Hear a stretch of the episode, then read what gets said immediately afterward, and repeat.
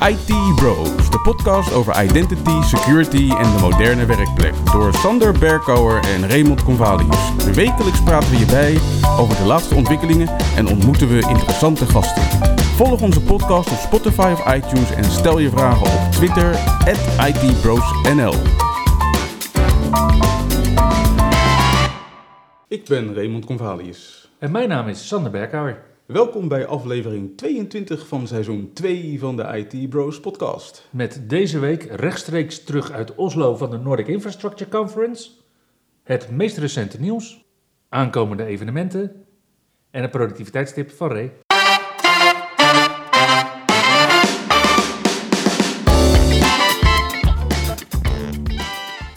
Hey Ray, nou beginnen wij meestal met het laatste nieuws voor Windows 11. Yes. En wat, eh, wat gebeurde er deze week eh, qua Windows 11? Is er überhaupt een nieuwe beeld? Ja, er is eh, net weer een nieuwe beeld uit. Ik denk, vlak we zijn begonnen met opnemen, is beeld nummer 25131 uitgekomen. Oké, dus dat is er weer een voor de 23H2. Inderdaad, in de dev channel. Ja, voor de inmiddels bevestigde Copper release. Inderdaad. En eh, ja, deze build heeft eh, eigenlijk geen nieuwe features, wel een heleboel fixes. En er zit een update in van de Microsoft Store. Die gaat naar versie 22.205.1401.3.0. Mhm. En die bevat onder andere eh, native support voor ARM64. Oké, Verbeterde app-updates. Hij slaat nu de apps die je open hebt staan, slaat hij over. Dus die worden niet meer uh, afgesloten om eh, vervolgens geüpdate te worden. Ja, na jaren dat we dat niet meer hebben met als je op Windows zit te werken, dat die ruksigloos afsluit, hebben we het nu ook eindelijk met apps. Het is, het is bijna een applausje waard. Bijna wel, ja.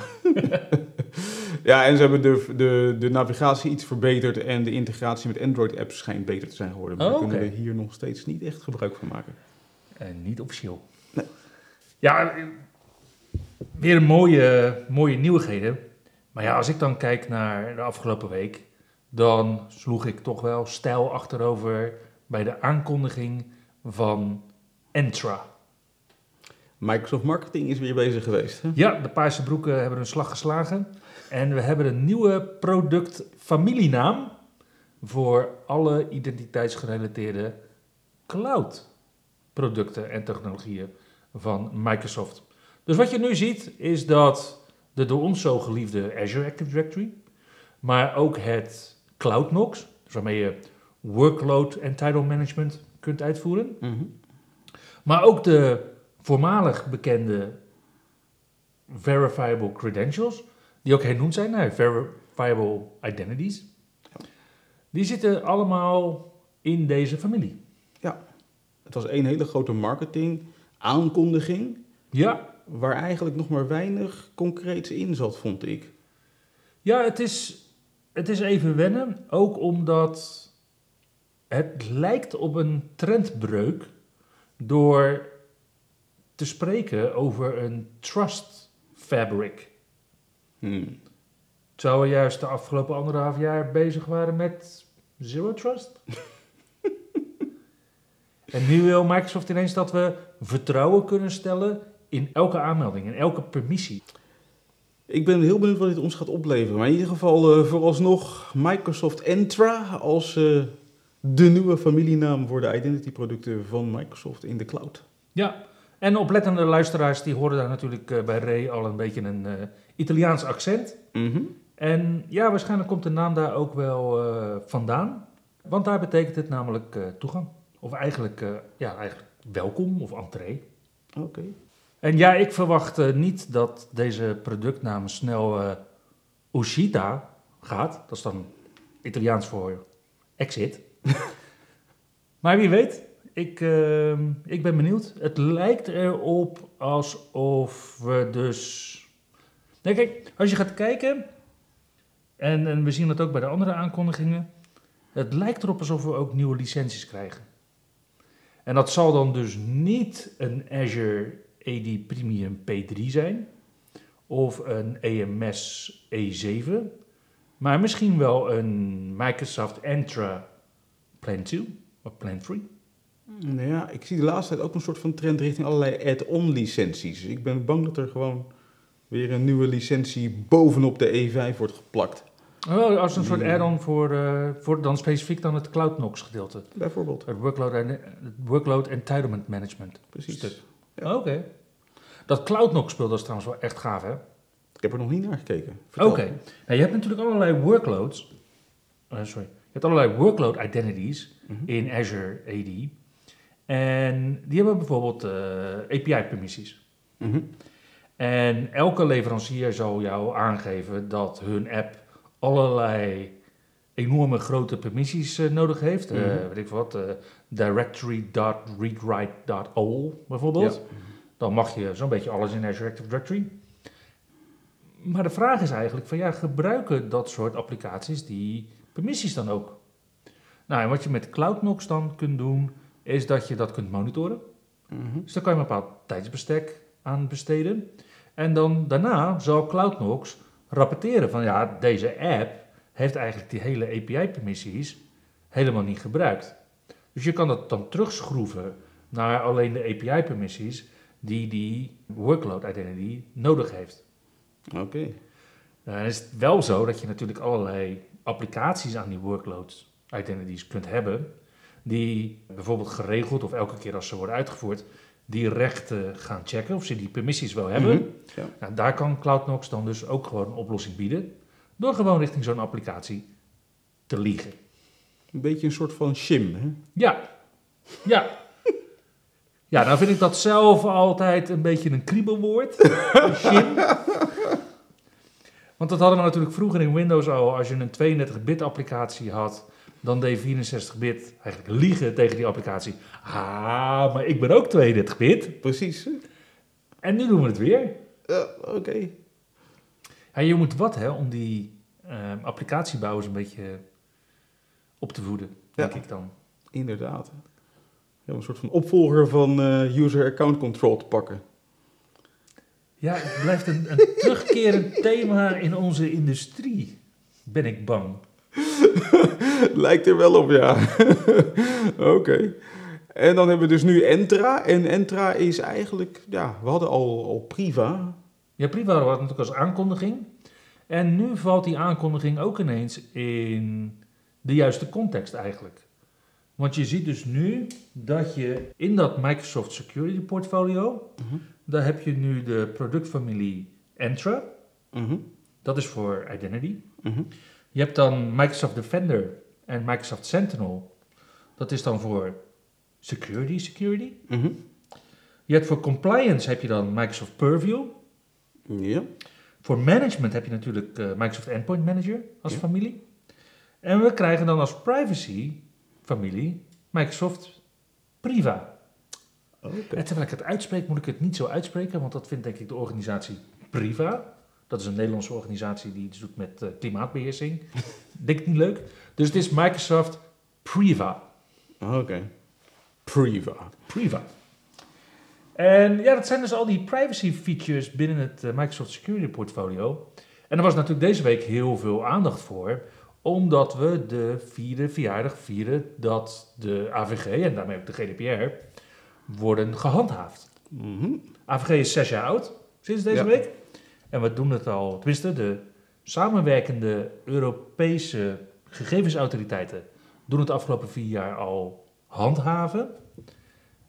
Ja, daar was natuurlijk best wel wat aandacht voor deze week in het nieuws. Ja, en dat viel dan toevallig ook nog samen met een hele belangrijke aankondiging, namelijk dat de Nederlandse overheid nu gebruik mag gaan maken van Google Workspace. Ja, dat heeft eh, SLM Rijk met eh, Google inderdaad eh, nu kunnen afspreken dat dat met de bijbehorende privacywaarborgen voldoende is voor gebruik door overheden. Belangrijke stap. Ja, de autoriteit persoonsgegevens was ook nog bezig met een onderzoek naar Google Analytics, Mhm. waarmee we nou natuurlijk de bezoekersstatistieken kunnen bijhouden. Dat onderzoek is inmiddels afgerond, alleen de uitslag daarvan komt pas later dit jaar. Ondertussen prijkt gewoon nog steeds op de website van de autoriteit persoonsgegevens. Maar ja, het is beter dat je het nu nog niet gebruikt, want het zou best wel eens kunnen dat het dadelijk niet meer mag. Oké. Ja, dus ik ben wel benieuwd wat daar dan dadelijk de uitspraak van wordt. Ja, en als je gaat kijken naar alle uitspraken die die Europese toezichthouders eh, met z'n allen hebben gedaan, dan is er dus inmiddels in de afgelopen vier jaar al anderhalf miljard euro aan boetes uitgedeeld. Zo. Kaching! Ja, nou ja, de vraag is natuurlijk wat er met dat geld gebeurt. En daar, ja, daar zijn ze bij de Belastingdienst eh, ook geloof ik nog niet helemaal uit. Mhm. Wat er met die boete moet gaan gebeuren. Maar je ziet dat die autoriteit persoonsgegevens bij ons in Nederland, maar ook de gegevensbeschermingsautoriteit in België, behoorlijk hun handen vol hebben met alle datalekken die gemeld worden.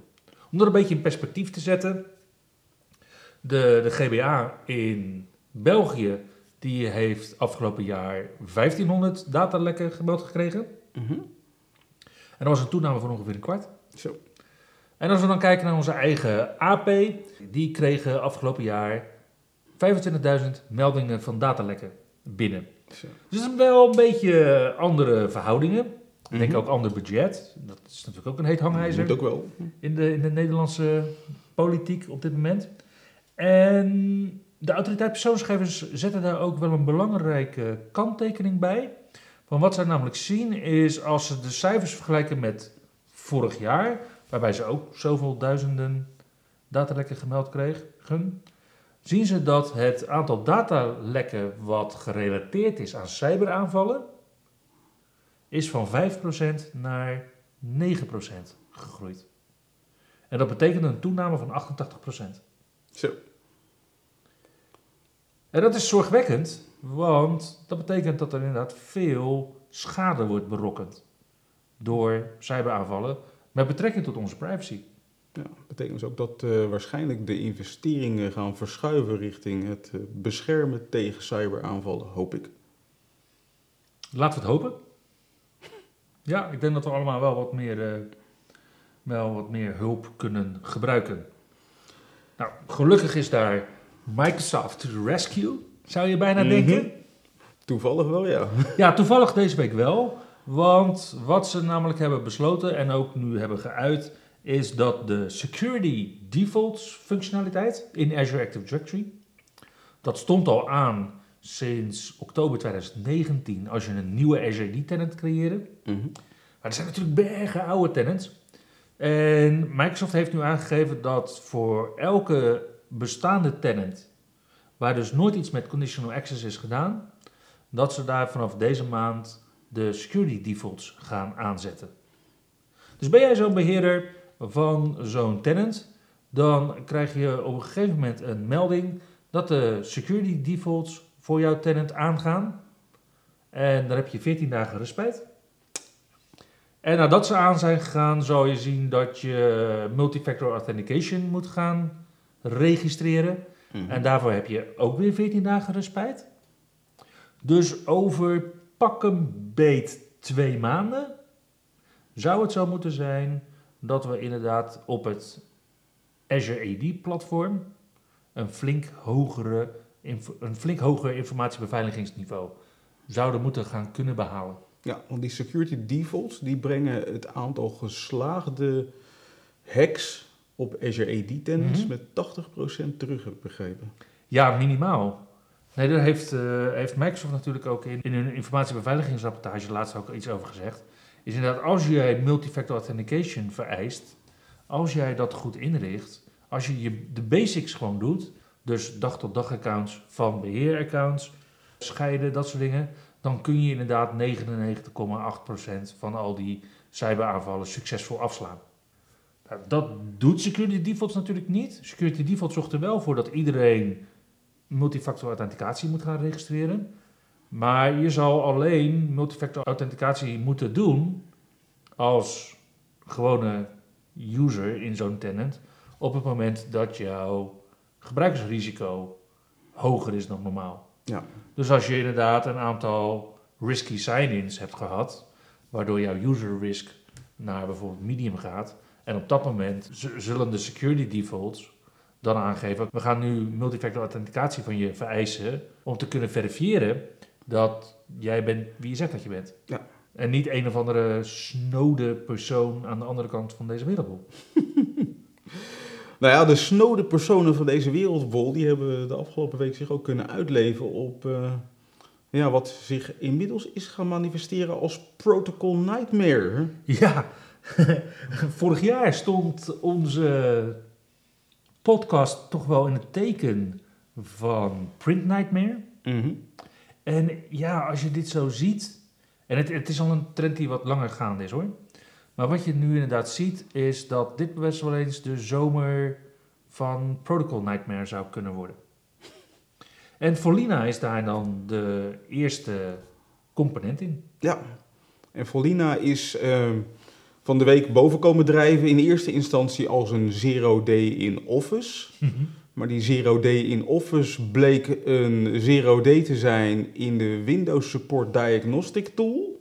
Dus eigenlijk een onderdeel van Windows. Ja, Waarbij eh, de URL voor de Windows Support Diagnostic Tool misbruikt kan worden om willekeurige software te kunnen starten. ja, En nou, de grap is dus dat deze bug, of deze vulnerability, deze kwetsbaarheid, eigenlijk al ontdekt is in april door een groep Japanse onderzoekers. Mhm. Gemeld is bij Microsoft. En dat Microsoft toen zei van, nee, wij vinden dit geen kwetsbaarheid. Nou, en toen bleek dus dat vorige week, of de week daarvoor, is ehm, dit misbruikt door, vanuit Wit-Rusland, had ik begrepen, in een Word-document. ja vermoedelijk. Ja. Dus zodoende ook dat men eerst dacht dat het in Zero Day was in Office. En inmiddels is het dus wel erkend als een eh, vulnerability. Heeft het ook een CVE-nummer gekregen, namelijk E CVE 2022-30190. Met een best wel hoge CVSS-score van 7.8 of 7.3. ja, Met al eh, ja, diverse voorbeelden van hoe dit eh, werkt. En ook al diverse onderscheppingen van hacks. Ook een eh, Chinese hackersgroepering is alweer eh, ja, ervan beticht dat ze zich bedienen van deze bug. En inmiddels is er al een broertje opgedoken van Volina. Namelijk in de Windows Search Protocol Handler. Waar ook een soortgelijke bug in zit, die ook via Word kan worden misbruikt.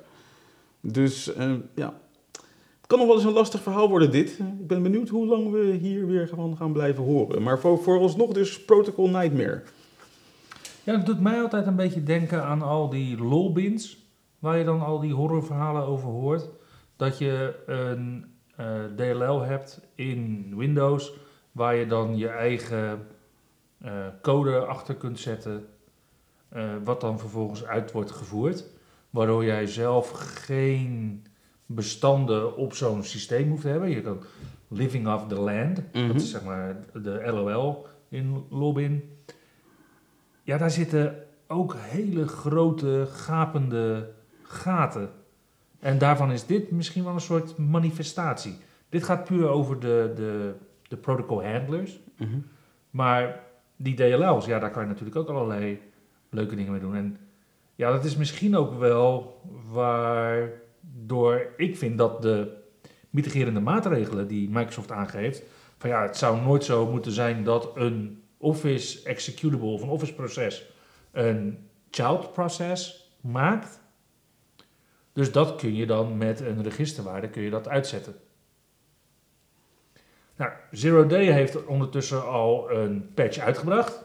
Mhm. En zij zeggen van ja, dit is geen Office Zero Day, maar dit is inderdaad in een protocol handler is dit een, eh, een ding. Dus zij zeggen ja, we pakken dat echt bij de bron beet en zeggen dan we doen dit gedrag niet meer toestaan. Het zijn twee aparte aanpakken. Ik denk dat de combinatie van beide op de lange termijn misschien wel het, beste is. Maar aan de andere kant, als je kijkt naar Attack Surface Reduction, dus ASR en Endpoint Manager, daar worden ook al heel veel van dit soort dingen al uitgezet. Klopt. Dat is ook een van de maatregelen waarvan Microsoft zegt dat je ze kan nemen om je te wapenen tegen Volina in ieder geval. Dat is dat je tegen Office kan zeggen van nou start geen externe applicaties meer op. Ja, Daarmee tackle je natuurlijk nu maar een deel van het probleem, zeker nu het ook is opgedoken in de Windows Search Protocol Handler. Dus eh we're gonna hear more about this. ja, ja, ik denk dat we de zomer van Protocol Nightmare tegemoet gaan. Ja. Nu was er afgelopen week ook nog de release van Edge 102. Ja, Wat eh, aanvankelijk eh, te boek stond als een nogal teleurstellende release van deze nieuwe browser. Mhm. Namelijk, er zit vrijwel geen nieuwe functionaliteit in, behalve een paar nieuwe policies. ja precies. Waar weinig mensen op zitten te wachten, volgens eh, de meeste nieuwsmedia. Alleen, nu blijkt er toch wel een en ander mee aan de hand te zijn. hm. In de eerste plaats schijnt Edge 102 niet zo goed te kunnen printen. Maar dat is alleen maar een voordeel. Nou ja, als je Edge gebruikt als eh, je standaard programma voor PDF's en je kan vervolgens je PDF's niet printen, dan kan ik me voorstellen dat sommige organisaties er niet zo blij mee zijn. Nee, maar het geeft wel een signaal af. Ja, paperless. en de het andere- papierloze kantoor. Ja. Hoe lang horen we daar wel van? Precies. Ah. En aan de andere kant schijnt er een verborgen feature in te zitten, namelijk eh, de nieuwe Windows 11 user interface voor Edge. Oké. Die schijn je via een speciale code te kunnen enablen in Edge 102. Ah, maar die was nog helemaal niet aangekondigd. Die nieuwe interface. Hij zat geloof ik in het verleden wel in een Canary build. Alleen er is toen weinig rugbaarheid aangegeven. En je schijnt hem nu gewoon te kunnen aanzetten om te kunnen te proberen. Hij schijnt ook nog niet af te zijn. Dus als je hem probeert en er gaan wel dingen nog niet helemaal goed. Don't complain. Ja, dan heb je het hier niet gehoord. Precies. En dan nog meer nieuws op het gebied van Edge. Namelijk, er was deze week ook een nieuwe Canary build. Build 104. Duidelijk. En in die build 104 schijnt Microsoft een nieuwe functionaliteit te gaan testen. Namelijk om een, eh, ja, soort van tegenhanger van AirDrop te introduceren. Dus waarmee je bestanden kan uitwisselen tussen verschillende apparaten die allemaal Edge draaien. Hoe het eruit gaat zien, geen idee. De functionaliteit heet Drop. Schijnt ook nog niet bij alle Canary build gebruikers enabled te zijn. Dus je kan het installeren, kijken of het voor jou gaat werken. En dan kun je ermee gaan spelen en vertellen wat je ervan vindt. Nou, als er luisteraars zijn die het hebben geprobeerd, wij horen het graag. Zeker, ja. En er is nog veel meer speelgoed om te proberen sinds deze week. Want Microsoft heeft naast al deze software-aankondigingen ook hardware-aankondigingen gedaan. Ja, Want we kunnen vanaf vandaag de bestellingen gaan plaatsen voor de Surface Laptop Go 2. ja dat is de, de budgetlijn van de Surface laptops. Die eh, nu is uitgevoerd met de 11e generatie van de i5-processor. En die verkrijgbaar is met een SSD van 128 gig of 256 gig. Met memory variërend van 4, 8 of 16 gigabyte en met een prijs vanaf 600 dollar. En als je nou overal eh, de vinkjes bij zet, waar kan je me dan naartoe eh, pimpen qua totaalprijs? Volgens mij ergens rond de 900 euro ben je dan kwijt. Oké, maar dan heb je wel iets wat serieus leuker is dan bijvoorbeeld een Chromebook. Mm, Dan de meeste Chromebooks wel. Al hoor ik wel dat niet iedereen even enthousiast is over de display. Oké, Die is dezelfde gebleven als die van de vorige generatie Surface Go. Ik meen iets van 15 zoveel bij 1000 nog wat pixels. oké, dus het is geen pixelheld. Nee, het is geen pixelheld, inderdaad. Hij is wel verkrijgbaar in vier kleuren, namelijk Ice Blue, Sa- Sandstone, Platinum en de New Sage. Een of andere mooie groene kleur. Oké. Die, eh, ja, die gaat het denk ik wel heel goed doen op, eh, op scholen. Ja, maar het is ook, denk ik, een kwalitatief mooie laptop voor een best leuke prijs. Dus je zou hem ook aanraden voor, voor studenten misschien? Ja, of een oom of tante die zegt van ik gebruik mijn laptop alleen maar om mee te surfen en zo. Maar hij moet er wel mooi uitzien. Mhm. Dan heb je aan zo'n Surface Laptop Go echt een leuke machine. Oké, en Spotify op de camping, dat soort dingen. Precies. Oh, Ja. Oké. En daarbij heeft Microsoft natuurlijk ook nog wel gedacht aan, eh, aan de duurzaamheid. Dus eh, tegenwoordig eh, zijn meer onderdelen vervangbaar van zo'n Surface. Ja, ik kan me herinneren Go. dat inderdaad bij de introductie van de eerste versie van die Laptop Go, dat daar heel erg veel werd gesproken inderdaad over dat scholen dan componenten konden, eh, zelf konden verwisselen als ze defect waren. Maar het bleek in de praktijk eigenlijk alleen maar de harde schijf te zijn. Ja. En nu kun je inderdaad eh, naast de eh, SSD ook het keyboard, het trackpad, de, het scherm, de batterij en de Surflink kabel vervangen. Als je hem vandaag bestelt, dan kan het zomaar zijn dat je hem op 7 juni al binnen hebt. Yes.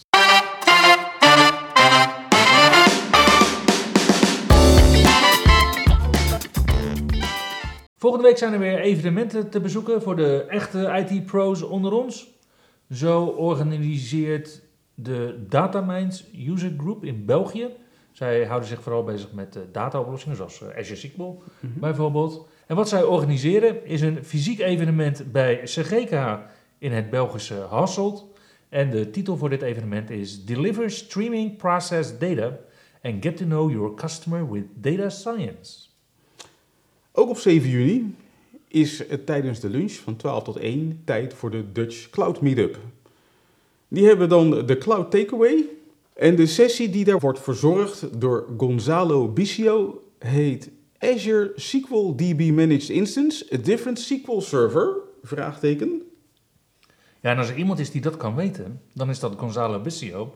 Want hij is Data en AI Specialist bij Microsoft. Yes. En mocht je echt uit de pan willen springen, dan kun je nu nog kaartjes krijgen voor de Scottish Summit in Glasgow. Dat is op 10 en 11 juni een fysiek evenement waar ook best wel wat Nederlandse sprekers eh, hun opwachting weer maken Mm. om te presenteren over, ja, eigenlijk alles Microsoft.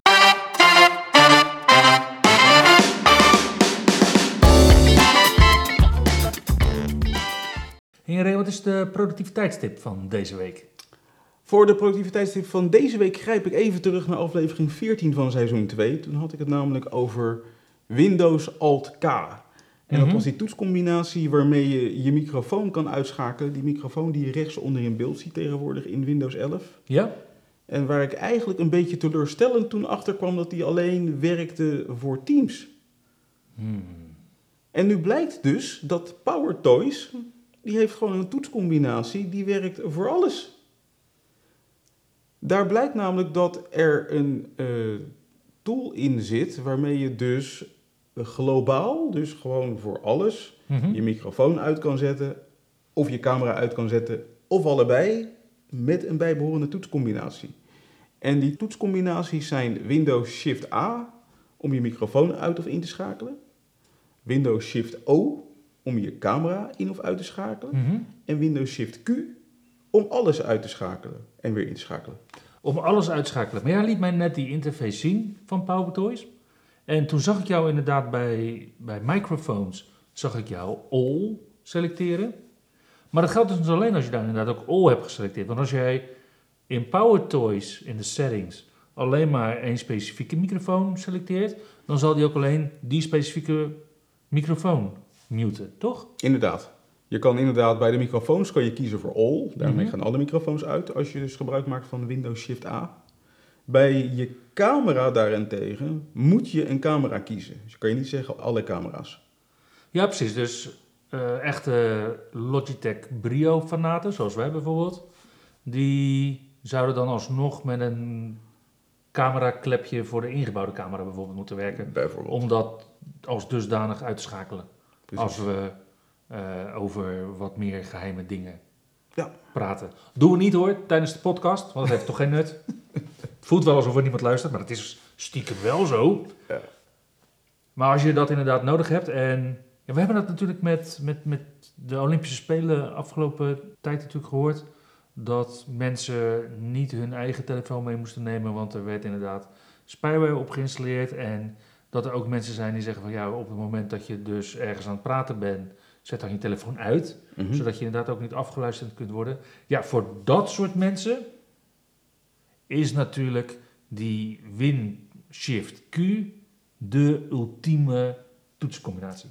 En die maakt onderdeel uit van wat in PowerToys heet Video Conference Mute.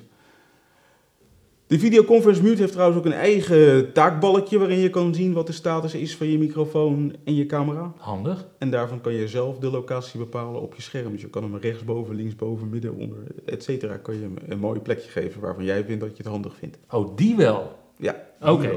De startbalk nog steeds niet in Windows, maar die wel. Inderdaad. Doen ze weer goed, die jongens. Daarmee zijn we weer gekomen aan het einde van aflevering 22 van seizoen 2 van de IT Bros podcast. Dankjewel voor het luisteren en tot de volgende keer. Tot de volgende keer. Je luisterde naar IT Bros, de wekelijkse podcast over identity, security en de moderne werkplek. Abonneer je op Spotify, iTunes of Google Podcast als je de volgende aflevering niet wilt missen. Heb je hints of tips? Laat dan van je horen op Twitter. @itbrosnl.